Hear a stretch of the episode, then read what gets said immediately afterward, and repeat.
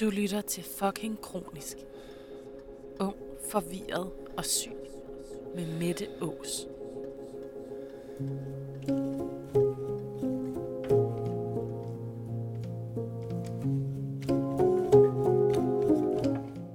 Mit navn er Mette, jeg er 25 år og lever med en kronisk leversygdom. I denne podcastserie inviterer jeg andre kronisk syge unge ind, så de kan fortælle deres historie om at være ung og fucking kronisk.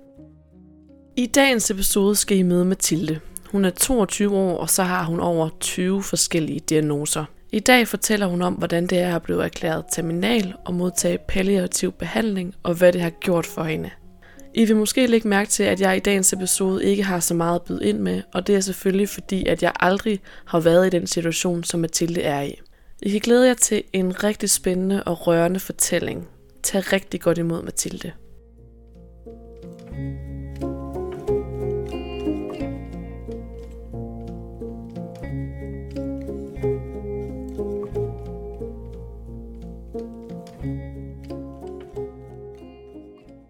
Velkommen til Mathilde, og tusind tak, fordi du vil være med i podcasten.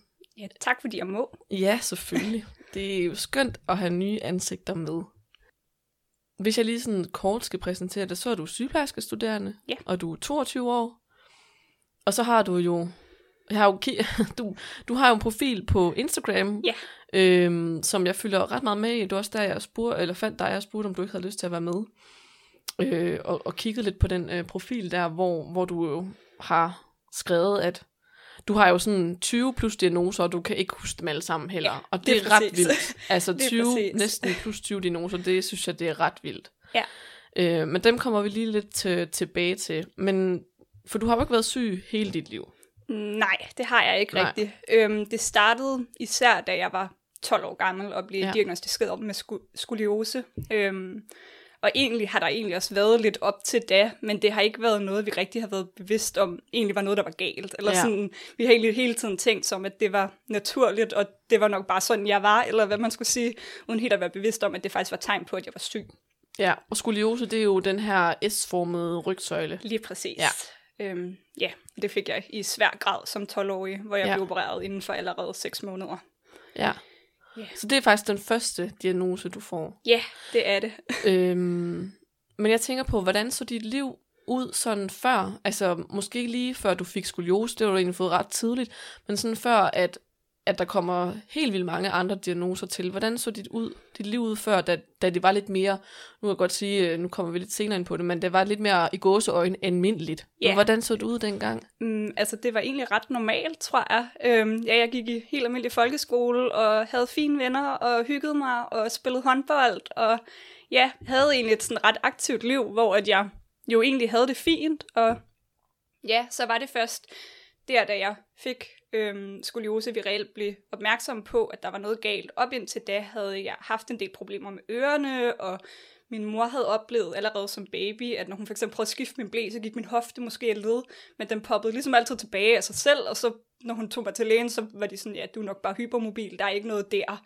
Øhm, og sådan har det egentlig lidt været, og hver gang der var et eller andet, der måske var lidt galt, så tog min mor til lægen, og de konstaterede ligesom, at det var nok fint nok, og der var nok ikke rigtig noget alligevel. Øhm, ja, øhm, Så det var bare et helt normalt liv. ja, Ja. Og så begynder du jo at få, hvad skal man næsten sige, den ene diagnose efter den anden. ja. Det er Ikke fordi du skal ramse dem alle sammen op, men Ej, kan du ikke lige ramse bare et par stykker op? Jo, altså sådan, øhm, den primære diagnose er skoliose, og så Ehlers-Danlos syndrom. Øhm, og udover det, så har jeg øh, kronisk høretab på begge ører. Øhm, jeg har allodyni, som er en form for nerveskade. Jeg har, øhm, hvad hedder det, øhm, noget, der hedder Agnes syndrom, som er en mavesygdom. Jeg har irritabel tyktarm. Øh, ja, og sådan bliver lidt, sådan lidt bare ved med sådan samtlige dele af min krop. Ja. Øhm, Hvilke nogen påvirker egentlig mest din hverdag? Eller måske ikke lige hvilken sygdom, men hvilke nogle gener har du mest i din hverdag i forhold til alt det her? Ja, altså det er nok, at jeg har rigtig mange kroniske smerter. Ja. Øhm, og så er jeg sådan kronisk træt, eller hvad man skal sige. Øhm, og jeg har meget besvær med min hukommelse, og så har jeg øhm, nogle væsentlige gangproblemer, der gør, at jeg lige nu går med stok, og en gang imellem med krykker. Øhm, og vi er ved at undersøge, om jeg skal have en kørestol fremadrettet. Okay. Og hvad tænker du egentlig om det? Mm, altså, jeg er ret splittet omkring det, fordi på den ene side ville det jo kunne være rart at kunne deltage i ting igen, for lige nu kan jeg ikke gå mere end sådan max 700 meter, en kilometer, og det er meget begrænsende. Øhm, men alligevel er det jo heller ikke noget, man har lyst til som 22-årig, at skulle sidde i kørestol. Nej. Men alligevel så tænker du, at det kunne give dig noget mere frihed. Helt sikkert, Ja. helt sikkert. Hvis vi lige sådan tænker på det der med, sådan i forhold til din hverdag, hvordan ser, og nu bruger jeg lige igen, gåsøjne, almindelig, hvordan ser en almindelig dag ud for dig? Ja, altså, øhm, det, der er mange hospitalstider. Jeg har i hvert fald, ja, altså, jeg har i hvert fald kontakt til hospitalsvæsenet dagligt, øhm, enten i form af min egen læge, eller en specialafdeling på sygehuset, at skulle ud og have taget blodprøver, eller have en anden behandling, kontakt til smerteklinikker i forhold til at få udskrevet min smertestillende. Øhm, så er der også rigtig meget kontakt med kommunen i forhold til, at på nuværende tidspunkt får jeg en del hjemmehjælp, både i forhold til hjælp til at kunne gå i bad, fordi jeg besvimer, øhm, og øhm, rengøringshjælp, og jeg har en ledsager til at hjælpe mig med at kunne komme ud, øhm, og så har jeg en del hjælpemidler også. Øhm, så der er rigtig meget kontakt med rigtig mange forskellige instanser hele tiden. Ja, og udover det, så studerer du jo også. Ja, jeg forsøger i hvert fald. ja, det tænker jeg faktisk dengang, at vi sådan lige snakkede sammen, at det var da helt vildt, at fordi jeg har jo nogle gange set sådan det der med, så har du sådan en liste over, hvad du skal i Ja. løbet af en uge, eller hvor mange hospitalsbesøg du har. Jeg tænkt sådan, det kunne da, det kunne da slet ikke lade sig gøre. Nej, øhm, altså... Ja, ja, hvordan balancerer du det? Jeg har valgt ikke at deltage i særlig meget undervisning. Det har Ja. været sådan et bevidst valg, at alt min sådan, teoretiske undervisning, den møder jeg nærmest ikke op til, medmindre det er obligatorisk. Øhm, så har jeg nogle søde klassekammerater, der hjælper mig til at tage noter for mig, når jeg ikke er der. Og så er det egentlig mest min praktikforløb, øhm, der er problemet. Og der har jeg fået lov til at få en særaftale, hvor jeg har noget nedsat tid. Jeg læser, eller er der kun fysisk cirka sådan mellem 21 og 23 timer om ugen.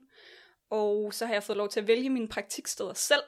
Øhm, og jeg har fået lov til udelukkende at komme i praktik på Bispebjerg Hospital, for det er det, der er nemmest for mig at komme til og fra. Ja, okay.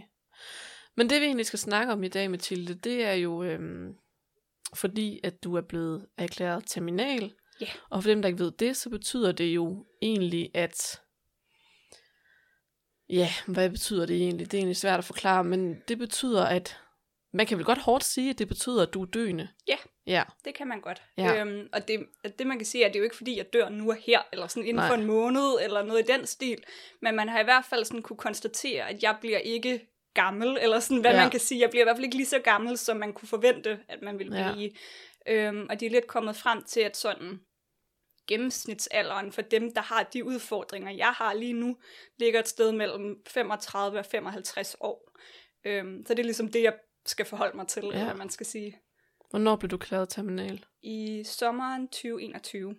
Så det er jo ikke særlig længe siden. Nej, det Nej. er det ikke. Øhm, Ja. Og hvordan har du det egentlig med det? Du er jo kun 22 år. Det er jo... Du er Ja. jo ikke... Altså, du er jo stadigvæk ung, og... Hvordan har du det egentlig med sådan at få den der... Det der stempel, hvis man kan sige det sådan? ja, jeg tror, at, jeg tror, jeg har det meget ambivalent med det. Altså, på den ene side synes jeg, det er ekstremt rart, ligesom at blive anerkendt i, at jeg er meget syg, eller hvad man skal sige. Men på den anden side er det jo også lidt det der med, at man har jo ikke lyst til at forholde sig til døden som 22-årig.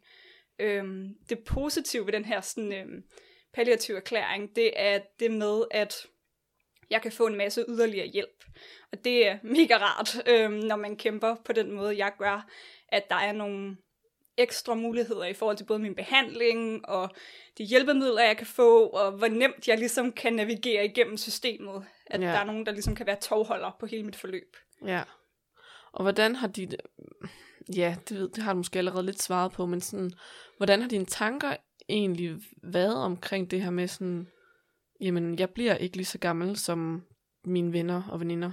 Mm, jeg tror, at til at starte med, så ignorerede jeg det fuldstændig. Jeg fortalte ikke nogen omkring det her, øh, ikke engang min familie, og jeg lod lidt som om, at det ikke var noget, jeg havde fået at vide. Øhm, og i takt med månederne så gik, og jeg begyndte at få hjælpen på grund af det her øhm, palliative erklæring og terminalerklæring, øhm, så blev det også lidt nemmere for mig at forholde, sig, altså forholde mig til, fordi jeg ligesom fik en forståelse for, hvad er det, det betyder. Og jeg fik også uddybet, at det betyder ikke, at jeg skal dø om et år, eller om en måned, eller som var det første, jeg sådan blev bange for.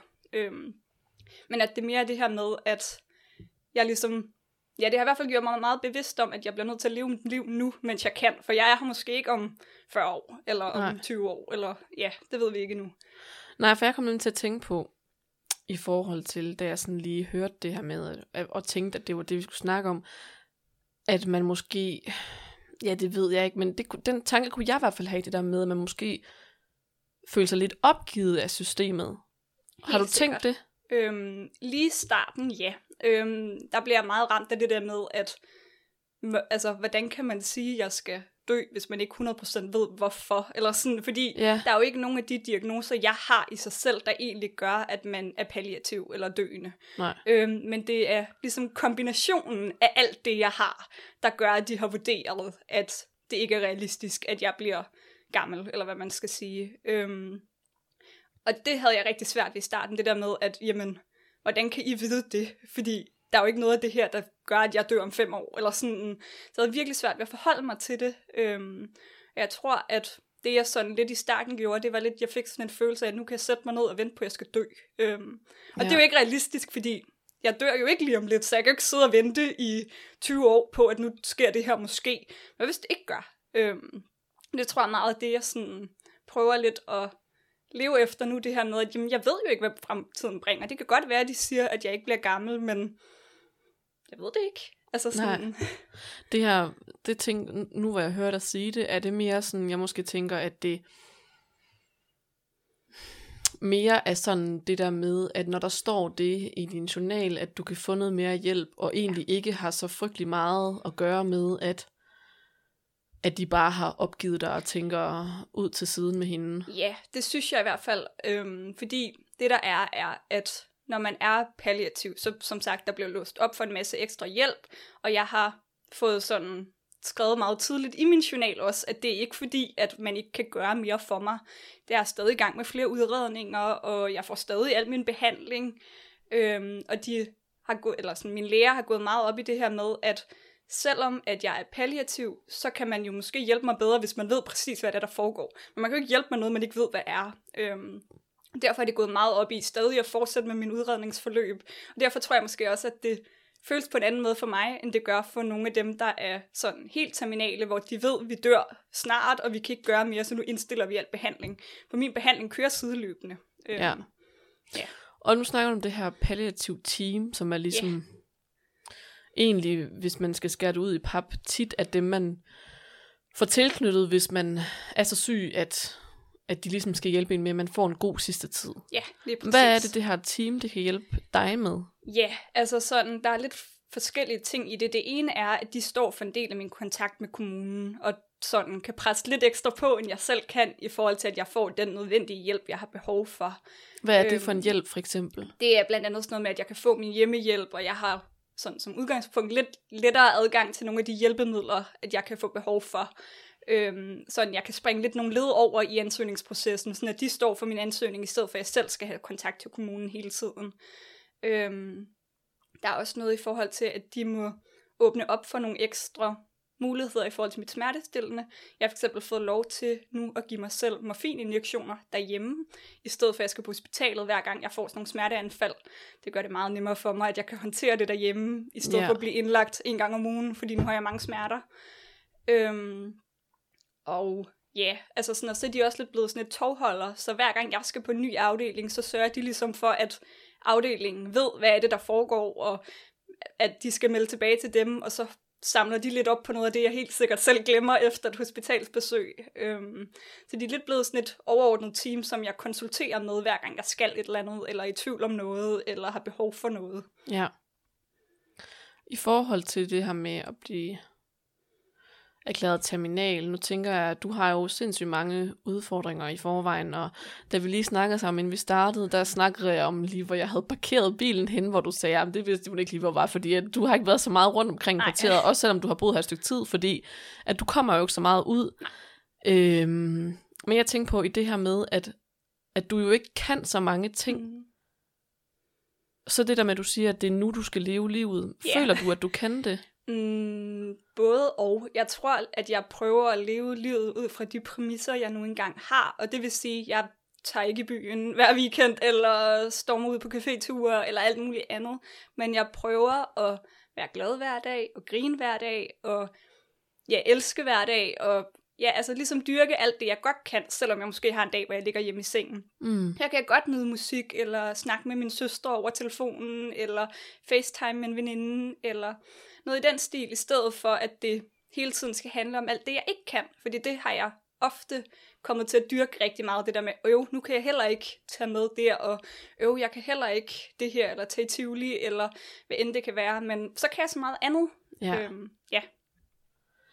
Øhm, altså, ifølge dig, hvordan ser din fremtid så ud? Nu tænker jeg på sådan det der, både det der med, at vi snakker om det der med at leve livet, men også lige så meget det der med, at hvis du øh, kun bliver 35, eller mm. de siger, at, at det er måske der omkring, at den aldersgruppe, du kunne være ved at, at havne i.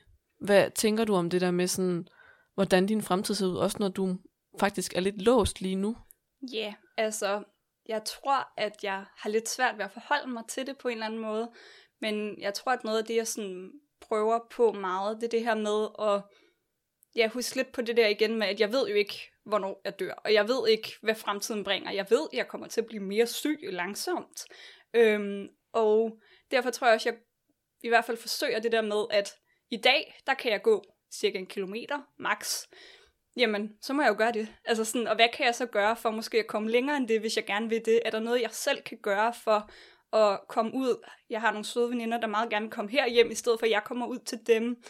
Øhm, nu for eksempel det her med kørestol, jamen det kan gøre, at så kan jeg måske godt komme i Tivoli, fordi jeg kan sidde ned undervejs, eller sådan det der med at prøve at tænke på nogle alternative måder at kunne det, jeg egentlig gerne har lyst til, mens jeg kan, fordi ja, faktum er bare, at jeg bliver mere syg, og jeg kommer til at kunne mindre og mindre, og jeg kommer til at dø, og okay, jamen, hvordan kan jeg så ligesom leve med det i baghovedet, eller hvad man skal sige? Ja, det der med sådan at kunne mindre og mindre, sådan ligesom lidt, hvad skal man sige, det lyder også hårdt, men sådan at syne hen, hvordan har du Ja. det med det?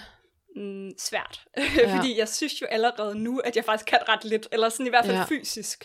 Øhm, man kan sige, heldigvis, så er jeg jo sådan mentalt fint med, og kan sagtens formulere mig, og kan sagtens studere stadig, selvom at der er lidt hukommelsesproblemer hister her. Øhm, men sådan, det der med at vide, at jeg på et tidspunkt ikke kommer til at kunne gå mere, heller ikke en kilometer, eller at jeg ikke kommer til at kunne tage mit bad selv, som jeg kan lige nu, hvis der er nogen, der sidder og holder øje med, at jeg ikke besvimer. Øhm, sådan det der med at vide, at jeg bliver mere syg, det er ekstremt svært for mig at forholde mig til, fordi jeg ved jo ikke, hvornår. Jeg ved ikke, om det er om en måned, eller om det er om to år. Øhm, så jeg tror lidt, at jeg igen kommer tilbage til det der med at prøve at forholde mig til min hverdag, mens den er nu. For hvis jeg går hele tiden og tænker på, hvornår kan jeg ikke det her mere, hvornår kan jeg ikke selv bo i min lejlighed alene mere, hvornår kan jeg ikke rejse til og fra Bornholm og besøge min familie mere, øhm, så tror jeg, at det vil blive rigtig hårdt for mig at leve hele tiden. Eller sådan, ja. ja. Er du bange for den tid, der kommer? Mm, yeah, det er jeg nok egentlig lidt. Øhm, jeg er bange for, og egentlig måske ikke så meget for mig selv, men for min familie. Øhm, det der med, at de skal passe på mig, eller hvad man skal sige, det synes jeg ikke er rigtigt. Nej, hvorfor? Mm, ja, yeah, fordi at, ja, yeah, det, det er nok noget med det der med, at jeg føler, at det burde være omvendt, og det burde det jo også. Altså sådan, det burde jo være mig, der på et eller andet tidspunkt skulle passe på mine forældre, og jeg synes, der er noget forkert i, at de skal opleve det. Øhm, Mm. Ja. Øh, det lyder måske også lidt hårdt, men har du, øh, har du nogensinde haft lyst til sådan... Altså det kan jeg i hvert fald tænke på, nu har jeg ikke selv sagt så meget endnu, men det er også bare fordi, det er meget øh, forskelligt fra den, fra den hverdag, jeg lever, og det er jo sjældent, man møder nogen, der er så unge som dig, som øh, har det så svært, og virkelig er låst fast, og Ja. ikke kan ret meget, og ved, at fremtiden ser, det lyder også hårdt, men fremtiden ser kort Ja, ud. ja, og det er den jo. Altså, Ja. sådan, det er jo bare det faktum, der er. Øhm, Ja, og det synes jeg, det, altså det synes jeg, ja, det synes jeg, det er vildt. Øh, og så kan det jo godt være, øh, at man, fordi jeg har jo nogle gange haft den der følelse med, sådan, når jeg har været allermest presset, at man bare har haft lyst til bare at smide det hele og, mm. og, og give op. Ja. Og det føler jeg lidt nu, at når jeg sidder her sammen med dig, og tænker sådan, hold kæft mand, du skulle da bare vide. Det er da simpelthen for fesen, at du nogensinde har tænkt, øh, mens du har været presset, og har haft lyst til bare at give op, når man sidder over for dig, fordi. Ja. du har det meget, meget, øh, altså, er meget mere, meget mere udfordret, end jeg nogensinde har været. Men har du nogensinde haft lyst til at give op? Ja, helt sikkert. Og jeg tror, altså sådan det, jeg nogle gange har haft, når jeg sådan lidt har tænkt på det, det der med, at ofte handler det for mig ikke om det der med, at jeg gerne vil dø, eller jeg vil ikke leve mere, fordi jeg er egentlig glad nok for mit liv. Jeg vil bare gerne have en pause fra alt sygdommen, og alt Ja. det dårligdom, der fylder. Øhm, mm. Fordi jeg kan godt lide livet, og jeg synes, det er dejligt at leve. Øhm, og det tror jeg nogle gange har været det, som en gang imellem, når jeg har prøvet at sådan talsætte det over for folk, så bliver de ofte sådan, uha, ej, har du selvmordstanker? Åh oh, nej, åh oh, nej. Og jeg er sådan, nej, jeg vil godt leve mit liv, jeg er glad for mit liv. Ja. Men jeg vil bare gerne have en pause fra det her, Ja. fordi det er hårdt at være i hele tiden, og jeg kan ikke lige trykke pause, Pause. og så forsvinde væk i et par dage, og så tilbage igen, når jeg kan overskue det igen. Det er der hele tiden. ja. Øhm, Og det er også det, jeg synes, der er svært, det der med sådan at definere øh, selvmordstanker. For det Ja. tænker jeg sgu også, der er flere grader af, fordi jeg har jo også... Øh, det lyder også til mega banan, når jeg sidder for dig. nej, det gør det ikke. Men jeg har, har, har jo haft, og egentlig stadig medicineret for det, en depression, Mm. øh, hvor jeg så er inde ved, ved den her psykiater, som skal, hvad skal man sige, udrede mig og finde ud af, hvad der er bedst for mig, som ting, hvor hun spørger, har du haft selvmordstanker? Hvor jeg sådan lidt helt, sådan, jamen jeg sagde sådan, jeg vidste ikke helt, hvad jeg skulle svare, fordi Ja. At, øh, altså jeg havde aldrig nogensinde været ude der og sådan tænkt, hvordan skal jeg gøre det? Men, men som jeg sagde til hende, altså jeg vil ikke sige decideret selvmordstanker, men nu kan du jo så vurdere det, jeg siger. Ja, Men jeg havde jo haft en sådan en, det skal man også sige, en drøm om, men jeg havde haft lyst til det der med, som jeg sagde til hende, jeg har lyst til at ligge mig ned og sove, og først vågne op, når det her det er godt igen. ja, Og det er jo også en tanke af det der med, at man har lyst til at få en pause, men man, kan godt, man, kan, man ved jo også godt, fordi så skidt, jo, jeg har også haft det dårligt i mange år, men så skidt, skidt har jeg jo, altså, jeg har jo aldrig haft det skidt hele tiden. Jeg ved jo godt, at livet kan være dejligt, og livet kan være godt, og jeg Ja. har jo også en tro på, at det nok skulle blive godt igen. mm. Men når man sidder i det, så, så, så virker det bare sindssygt uoverskueligt. Øh, og det var også nok derfor, det var den bedste måde som for mig sådan at formulere på det, og som du siger, man har lyst til at trykke på en pauseknap, men det der med, jeg har lyst til at lægge mig ned og sove, indtil det her, det er overstået. ja, lige præcis. Øhm, det synes jeg giver rigtig god mening, og jeg tror egentlig også godt, at jeg kan genkende det, især fra starten af mit sygdomsforløb, hvor jeg jo ikke var lige så syg, som jeg er nu, og jeg, hvor Mm. jeg ikke vidste, at det her nok ville stoppe på, eller sådan, eller hvor jeg i hvert fald havde en idé om, at det ville blive bedre, eller hvad man skal sige. Mm. Øhm, der kan jeg godt genkende det der. Der var, havde jeg faktisk også reelle selvmordstanker, fordi jeg var sådan, jeg kan ikke overskue det her liv, som Mm. det er på nuværende tidspunkt. Og der tror jeg, at især da jeg fik min palliativ erklæring og terminalerklæring, blev bevidst om det der med, at men mit liv var faktisk ikke evigt. Nej. Så altså sådan, det gjorde også et eller andet i forhold til den måde, jeg tænkte på livet på. Øhm, og blev meget mere opmærksom på sådan de små ting og de gode ting, som faktisk findes lidt hister her.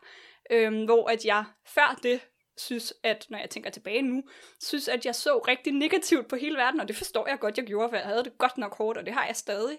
Men sådan det der med, at nu er jeg faktisk blevet bevidst om, at jamen, jeg er her ikke for evigt, og sådan, det blev ligesom på en eller anden måde et eller andet sådan realitetstjek for, hvordan jeg så kunne få det bedste ud af tiden. Øhm, Ja. På en eller anden måde gjorde det også noget sådan lidt godt for mit mentale helbred, selvom det lyder virkelig mærkeligt, og det er godt, at man skal dø, for det er det jo på ingen måde, men Nej, lidt lige alligevel præcis. på den måde.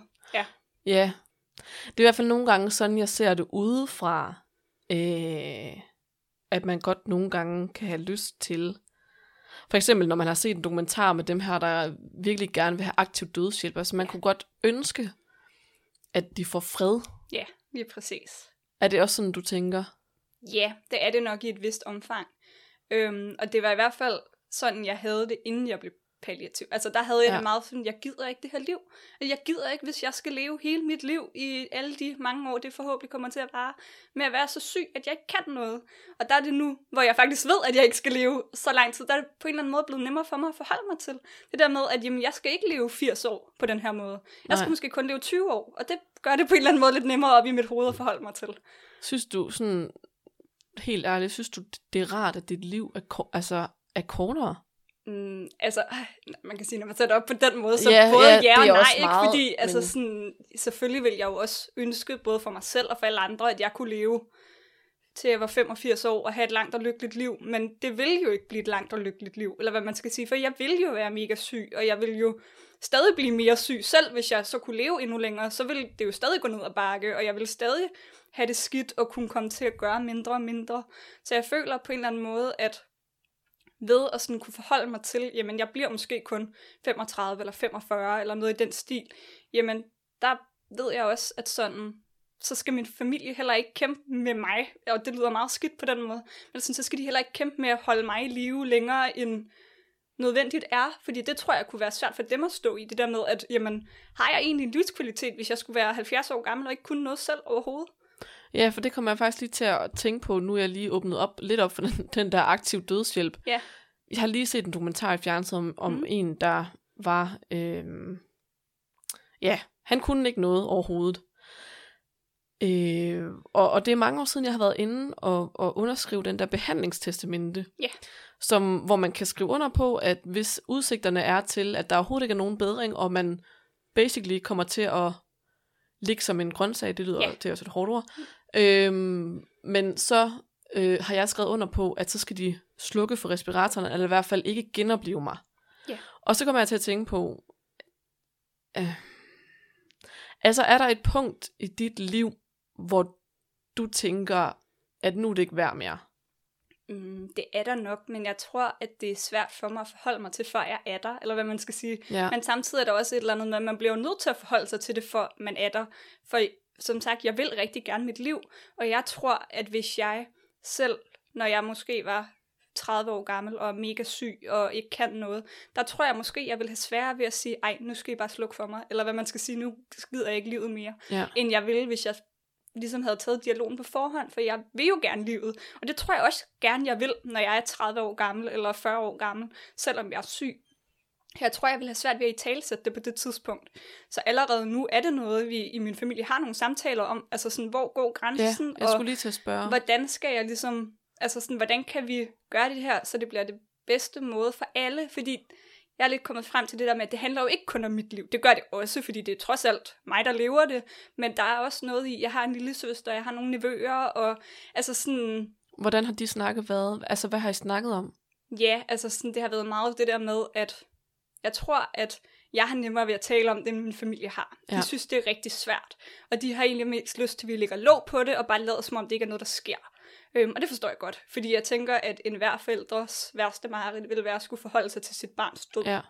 Øhm, men jeg har gjort meget ud af det der med, at jeg vil gerne snakke om det, for jeg vil gerne sikre mig, at de ligesom ved, hvad mine ønsker er.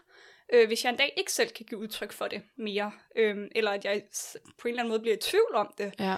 øhm, at de så ligesom er klar til at tage den dialog med mig. Så det har handlet meget om det der med sådan, hvor synes jeg, ja lidt det der, som du selv spurgte om, det der med, hvor synes jeg grænsen går? Altså, hvornår er jeg for syg til, at de skal holde mig i live, og altså sådan også lidt sådan noget med, sådan, hvad er min tanker i forhold til sådan noget som begravelse og ting i den dur, selvom at det kan lyde meget voldsomt, at man sidder Ja. samtaler om det over middagsbordet.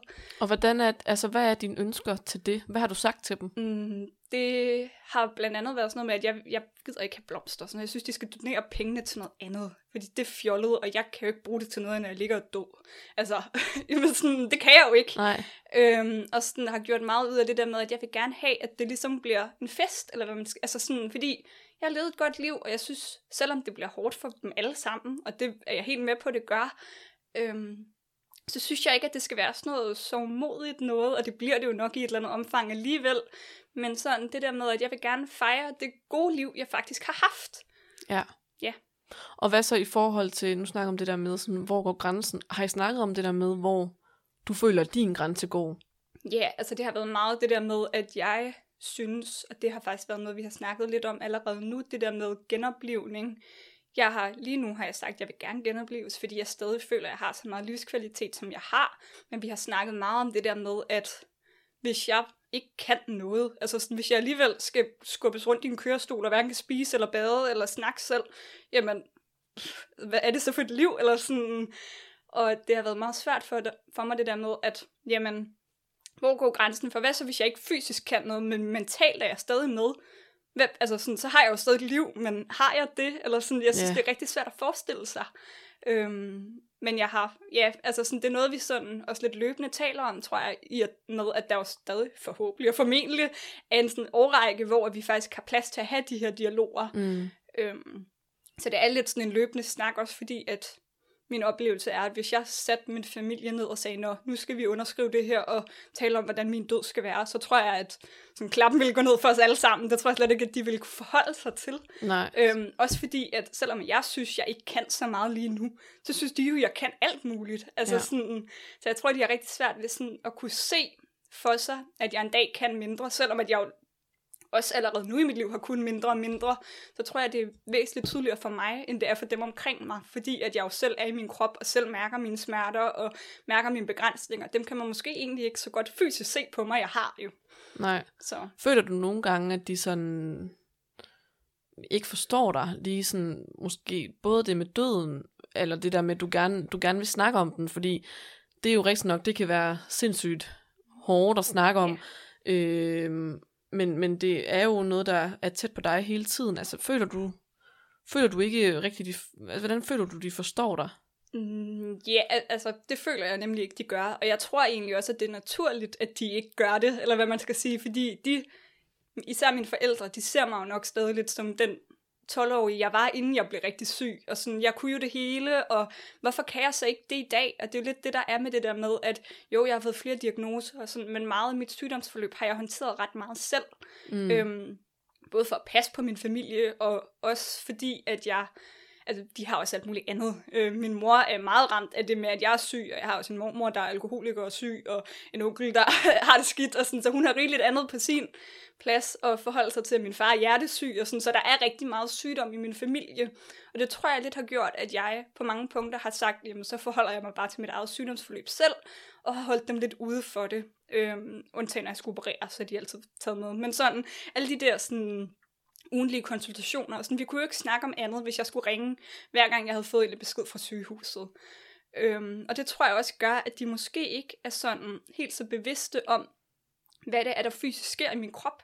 Øhm, de kan jo ikke mærke på mig, at jeg har mega ondt, eller de ser jo ikke, at jeg tager smertestillende otte gange om dagen, eller at der kommer nogen, når jeg går i bad, eller sådan, altså, det ser de jo ikke, fordi de bor her jo ikke. Øhm, og det tror jeg nogle gange skaber lidt sådan en, en ja, sådan et skæld mellem os, når vi skal snakke det, fordi de, de kommer hurtigt til at tænke på hende, jeg engang var, og det jeg engang kunne. Og har måske lidt svært ved at forestille sig, hvad det er, jeg ikke kan i dag, og hvordan det ligesom kommer til at udvikle sig, fordi de har heller ikke noget at sammenligne det med.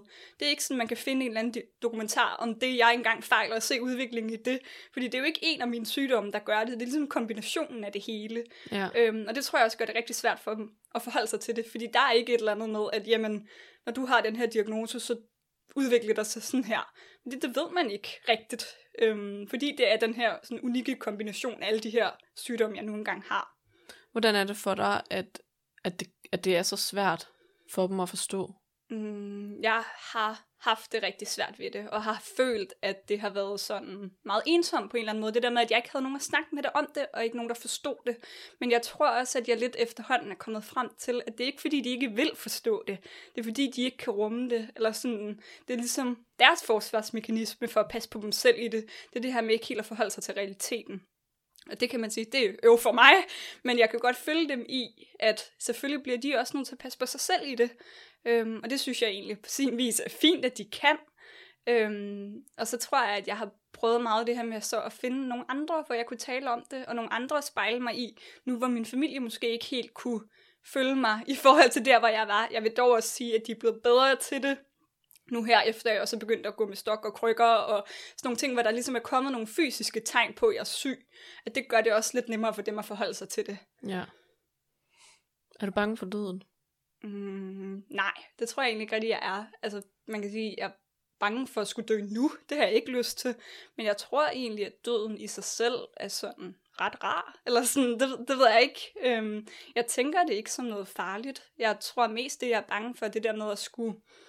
Altså sådan, at dem omkring mig skal blive ked af det. For det har jeg ikke lyst til, de skal. Ja. Nu kan jeg høre, at du tænker meget på dem omkring dig. Ja, det gør jeg også. Det synes jeg, øh, det er vildt, og, og ja, men det er måske også, fordi det har jeg været sindssygt dårlig til. Jeg har bare hele tiden tænkt på, at ej, det er bare så træls for mig, og ej, det er bare så synd for mig, og ej, hvor har jeg ondt, og Ja. hold kæft for det træls, og de forstår mig bare ikke, og så bliver man vred, og... Men er det noget, du sådan, er det noget, du har lært hen ad vejen? Ja, og jeg vil sige, altså jeg har også dage, stadig dage, hvor jeg synes, det hele er uretfærdigt, og hvor jeg skælder ud på min familie, og synes, de er nogle, ej, nogle grimme ord, alle sammen, øh, fordi at de ikke forstår mig, og de lytter ikke, og hvis jeg er derhjemme nogle gange, det er jeg jo en gang imellem, er jeg jo på besøg derovre, og jeg kan blandt andet huske for eksempel julen, der efter juleaften, anden juledag, første juledag, jeg ved ikke, hvad det hedder, dagen efter juleaften, der var jeg virkelig, virkelig dårlig. Jeg havde siddet op i alt for mange timer og været alt for meget på. Øhm, jeg havde det forfærdeligt. Jeg kunne overhovedet ikke komme ud af sengen, og da klokken var 14, kom min mor op og var sådan, ah, kommer du ikke lige ned, du skal have noget mad? Og jeg bare var sådan, nej, jeg kommer ikke ud af sengen. Øhm, og der blev jeg ekstremt ramt af den der med, sådan, altså tror du, jeg ligger her, fordi jeg synes, det er sjovt? Mm. Sådan, jeg har jo ikke lyst til at ligge i sengen og ikke kunne stå op. Øhm, og sådan, og dem, de dage har jeg jo også, og det er faktisk ofte på de dage, hvor jeg jo faktisk har det skidt, hvor jeg måske bliver konfronteret med, at der er noget, jeg ikke kan, at der kan jeg også mærke, at jeg bliver frustreret over det, hvor jeg tror, at i min dagligdag, der er jeg ret god til sådan at håndtere det med, at jeg er syg, eller hvad man skal sige, fordi jeg er vant til det, og jeg tror, at jeg, eller jeg synes, at jeg har fundet nogle ret gode sådan, mekanismer for at kunne leve mit liv og være glad og nyde hver dag og elske min familie så højt, som jeg nogle gange kan. Og sådan, altså, ligesom prøve at ja, finde en måde at ligesom være i det med, at de ikke forstår mig. Ja. Øhm, ja. I forhold til det der med at være terminal, og så fremtiden, altså hvad, øhm, hvad håber du på for din egen fremtid? Mm, Ja, yeah, altså jeg har prøvet at lave sådan en bucket list med alle mulige ting, jeg gerne vil opnå, og sådan gerne vil prøve, og det kan være alt fra, jeg vil gerne prøve at stå beski, det er mega urealistisk, det kommer jeg overhovedet ikke til at kunne, men jeg vil gerne, øhm, til at jeg vil gerne se en solnedgang, eller sådan et eller andet sådan, altså det er virkelig alt fra mega urealistiske ting til sådan ret realistiske, det burde kunne lade sig gøre. Øhm, og det er noget af det, jeg prøver at dyrke, det der med at fylde mit liv med ting, jeg gerne vil, i stedet for ting, jeg skal. Øhm, ja. Og det kan man sige, det er jo svært, når jeg skal på hospitalet hele tiden, og ja. alt muligt, fordi det er jo ting, jeg også bliver nødt til, og det skal jeg, uanset hvor meget eller lidt jeg har lyst til det. Men så prøve at, sådan de små ting i hverdagen, gøre op for det. Altså, ligge en ansigtsmaske, når jeg har lyst og sidder og ser tv, fordi det har jeg lyst til for at gøre noget godt for mig selv, eller jeg har en aftale med min ene store søster, vi taler i telefon hver anden aften, ringer vi sammen, og det er alt fra 5 minutters hej til en halv time, hvor vi går og hyggesnakker. Og det er bare sådan de der små ting, som jeg faktisk kan gøre, mens jeg stadig kan. Eller sådan, det, jeg tror, det er meget det, jeg prøver ligesom at, at dyrke på en eller anden måde. Fordi jeg ved ikke, hvornår jeg ikke kan mere, så jeg bliver nødt til hele tiden at fylde mit liv med alt det, jeg kan nu, og alt det, jeg gerne vil nå, det skal jeg nå at gøre nu. Men jeg ved ikke, hvornår jeg ikke kan. Ja. Ja. Ja, det, jeg synes, det, øhm, det er en vild, øh, hvad skal man sige, øh, energi, du har i forhold til det her. Ja. Yeah. Det synes jeg er virkelig, øh, ja, inspirerende er nok ikke det rigtige ord, men det er også et ord, Ja, ja. men sådan beundringsværdigt vil jeg nok Mhm. nærmere sige. Ja. Ja.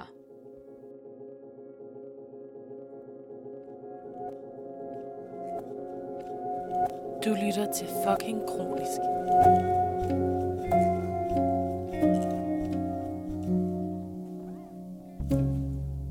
Her til sidst, der plejer vi jo at have det, have det, øhm, det citat, der hedder, jeg fik en lort og gjorde det til en gave. Ja. Som Peter Myggen har sagt, og jeg ved også, du har hørt nogle af, af episoderne. Og, har jeg. Ja. Så, så hvad, hvad er dit forhold til, til det citat? Mm, jeg tror, det er meget det her med, at jo, jeg har ikke det liv, jeg drømte om, og jeg har heller ikke det liv, jeg håbede på, men derfor kan jeg godt gøre det smukt alligevel. Øhm, og jeg kan godt fylde mit liv med alt muligt, der gør mig glad, og giver mig glæde, og gør, at jeg griner og græder, og alt, der nu ellers hører med til livet. Jeg tror, det er det, det handler meget om for mig. Det der med at få fyldt mit liv med det, jeg godt kan, og det, jeg har lyst til, på trods af alt det, jeg ikke kan. Øhm, ja, det er noget af det, jeg gør mig meget i. Ja. For jeg tænker på, føler du nogle gange sådan... Det ved jeg ikke. Nu, det jeg vil ikke sige snydt. Hvad vil jeg sige? Jeg vil sige sådan... Øhm, det har jeg i hvert fald nogle gange haft sådan Mm. det der med at føle sig uretfærdigt behandlet. Ja, ja, Af- det kan jeg godt Og lide. ikke af en bestemt person, men du ved sådan... af livet. Ja. af livet eller universet, det lyder også Ja, vanvittigt. Men det kan jeg godt relatere ja. til. øh, helt sikkert. Øhm, især det der med, øhm, ja, det der følelse af, at det er ikke fair, at mit liv skulle være sådan her, og det er det heller ikke. Det er ikke fair, og jeg vil ikke ønske det for nogen, fordi det er ikke okay, eller hvad man skal sige, sådan burde det ikke være. Øhm, men det er det. Altså sådan, jeg kan ikke gøre noget ved det. Så derfor tror jeg igen, at jeg kommer tilbage til det der med, at men jeg bliver nødt til at få det bedste ud af de kort, jeg nogle gange har på hånden, selvom at de er nogle lortekort, og det er mega uretfærdigt, at de har dem. Men nu er det bare engang sådan, det er.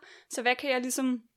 Ja, hvordan kan jeg ligesom leve mit liv på trods af alt det møg, der er i det? Fordi sådan er det bare. Jeg kan ikke magisk vis få det godt, øhm, men jeg kan prøve at få det på bedst mulig vis ud fra en rigtig møg situation.